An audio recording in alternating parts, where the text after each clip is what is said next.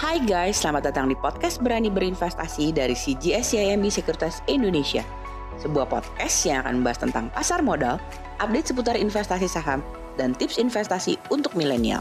Buat kamu semua yang penasaran, stay tune terus ya di podcast Berani Berinvestasi dari CGS CIMB Sekuritas Indonesia.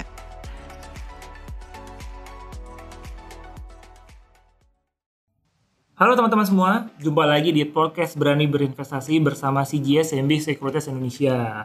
Apa kabar kalian semua? Saya berharap kalian sehat-sehat juga ya. Oke teman-teman semua, kita ketemu lagi nih.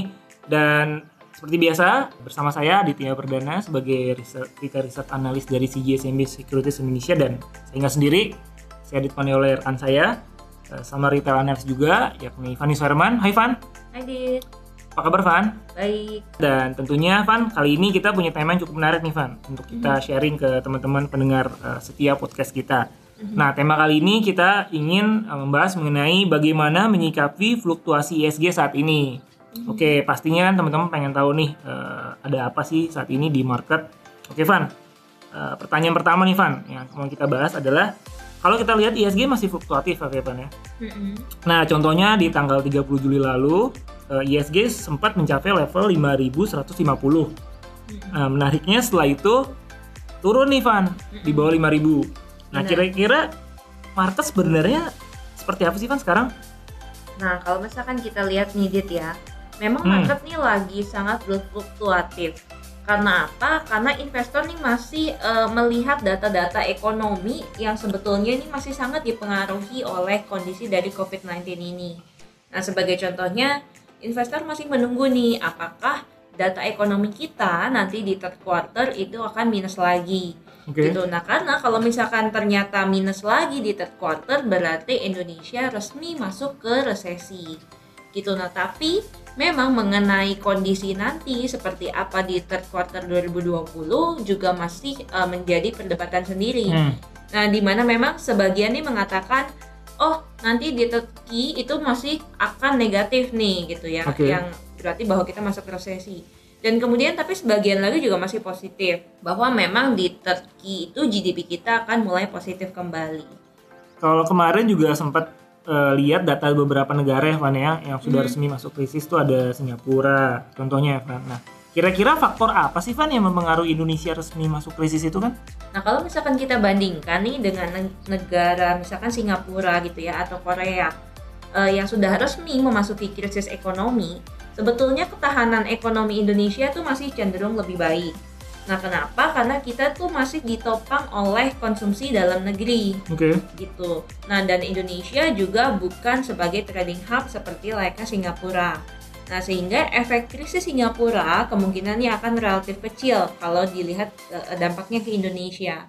Nah, dan karena kita juga nggak terlalu bergantung ke global trade, maka dalam kondisi seperti saat ini nih sebetulnya efek penurunan ke ekonomi Indonesia akan lebih terbatas Oke. seperti itu.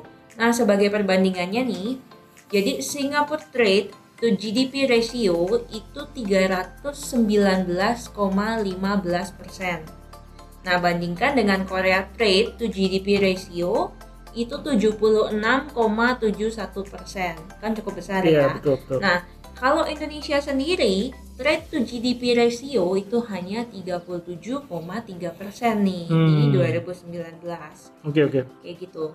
Nah, jadi memang ada efeknya pasti kalau misalkan terjadi resesi global, di mana yang akan terimbas pastinya adalah ekspor kita dan juga dari segi foreign direct investment gitu. Nah, tapi balik lagi karena kita memang porsi konsumsi masih paling besar ke GDP, kita harapkan bahwa penurunan GDP ini tidak akan terlalu parah dan Indonesia bisa terhindar dari resesi. Oke Van. Jadi memang Indonesia ini beruntung juga ya Van ya secara Hmm. demografi eh, Kita penduduknya banyak. penduduknya gitu banyak ya. Mhm. Jadi memang eh, ditopangnya dari posisi konsumsi. Oke Van. Nah eh, kemarin juga sempat lihat juga Van. Jadi ada data dari World Bank dan IMF Mhm. eh, bahwa nanti di tahun 2024 Indonesia itu akan menjadi negara dengan perekonomian terbesar kelima di dunia. Mhm. Walaupun diprediksi di tahun 2020 GDP Indonesia ini bisa dibilang pertumbuhannya 0% ya Van year on year. Betul. Nah, jadi kita memang harus optimis nih Dit bahwa Indonesia Hmm. sebetulnya kalau dilihat dari segi fundamental itu masih cukup oke. Nah, di mana kalau kita lihat sebagai contoh eh, akhir Juli 2020 Indo CDS 5 year ini sudah turun ke sekitar 115. Dari sebelumnya ini masih di atas 200. Kemudian kalau kita lihat dari yield 10 year bonds Yep. Indonesia ini juga mulai stabil ya di Hmm. sekitar 7 persenan gitu. Nah jadi eh, apa artinya kalau CDS dan juga yield bond kita ini rendah menunjukkan bahwa resiko Indonesia itu sudah lebih kecil dari sebelumnya. Hmm, jadi update-nya cukup menarik juga ya Van ya kalau dari sisi Mm-mm. indikator ini. Mm-mm. Nah, tapi kalau misalnya dilihat nih Van, eh, untuk ISG sendiri ke depannya berarti masih tetap mengikuti dari perkembangan COVID ya Van ya? Benar Dit, karena kemungkinan besar eh, memang masih akan berfluktuasi hingga vaksin ini benar-benar ditemukan dan bisa meredam dari eh, penyebaran virus corona ini. Nah, kalau saya baca-baca nih Van, vaksin Mhm. ini sudah eh, ada ya di berbagai negara dan sudah mulai mencari terus. Eh, positif juga sebenarnya perkembangannya. Nah, di Indonesia sendiri kalau nggak salah udah mulai ada yang meliti Van ya? Mm-mm, benar Dit. Jadi untuk di Indonesia itu PT Bio Farma menargetkan bisa memproduksi eh, vaksin virus corona itu di kuartal 1 2020 mendatang nih. Kuartal 1 2021 sorry. 2021, oke. Iya. Ya. Nah, proses produksi dilakukan usai vaksin COVID-19 ini selesai menjalani uji klinis tahap yang ketiga Hmm, oke. gitu. Nah, vaksin ini didatangkan dari perusahaan Sinovac China.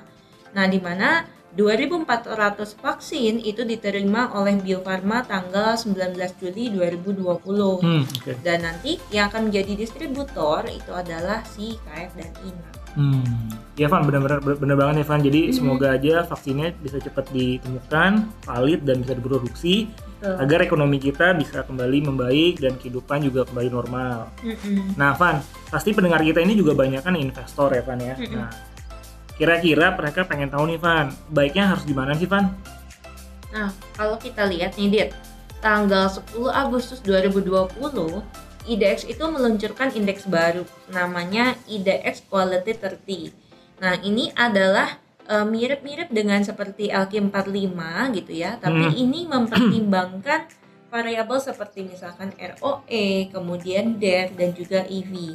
Nah, jadi untuk investor yang ingin investasi bisa mencoba melihat indeks baru ini sebagai acuan nih, Dit. Oke, jadi menarik ya, Mhm. teman-teman pendengar. Ada lagi nih eh, indeks yang baru, teman-teman. Indeks Mhm. IDX Quality 30 nih. Jadi ibaratnya emiten-emiten yang ada di sini sudah bagus ya, Van, fundamentalnya. Betul. Dan tinggal dipilih aja nih mau investasi ke mana, benar nggak, Van? Benar, benar banget. Nah, jadi kita juga bisa nih Dit melakukan screening misalkan dari 30 saham itu. Nah, kita cari mana nih harganya yang masih relatif murah kalau kita lihat dari awal tahun sampai dengan sekarang misalkan. Yep. Nah, kita berarti bisa melihat bahwa potensial return dari saham-saham tersebut masih cukup besar. Hmm, oke, Van. Mm-mm. Jadi kalau misalnya eh, pasti juga teman-teman pendengar ini paling suka nih pengen tahu nih Van, kira-kira eh, contoh saham apa aja sih Van yang masih murah secara year to date Van? Nah, kalau kita lihat nih Dit, dari data year to date ya, yaitu Yap. dari awal tahun sampai dengan data 3 Agustus 2020, maka eh, saham-saham yang memiliki return yang masih turun di atas 30% Hmm, dari awal tahun itu adalah saham Demas, BBRI, MNCN, RALS, Pawon, dan juga INTP. Nah, ini tinggal dicari aja nih Hmm, kapan oke. momentum bagusnya untuk masuk ke saham-saham tersebut dari analisis teknikal pastinya. Mantap Van.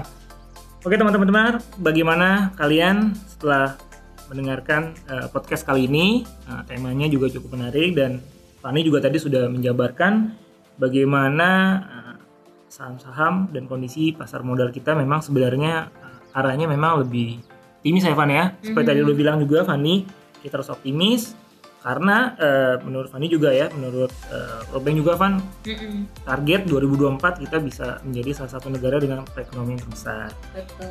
Nah, buat teman-teman yang sudah eh, mendengarkan podcast kali ini, semoga bisa men- mendapatkan insight yang bermanfaat dan berharga juga buat eh, investasi teman-teman eh, setelahnya.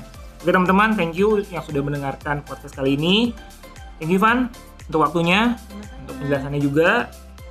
Kita pamit dulu ya Van ya. Mm-mm. Kita jumpa lagi di podcast Berani Berinvestasi selanjutnya. See you teman-teman. Bye. Bye.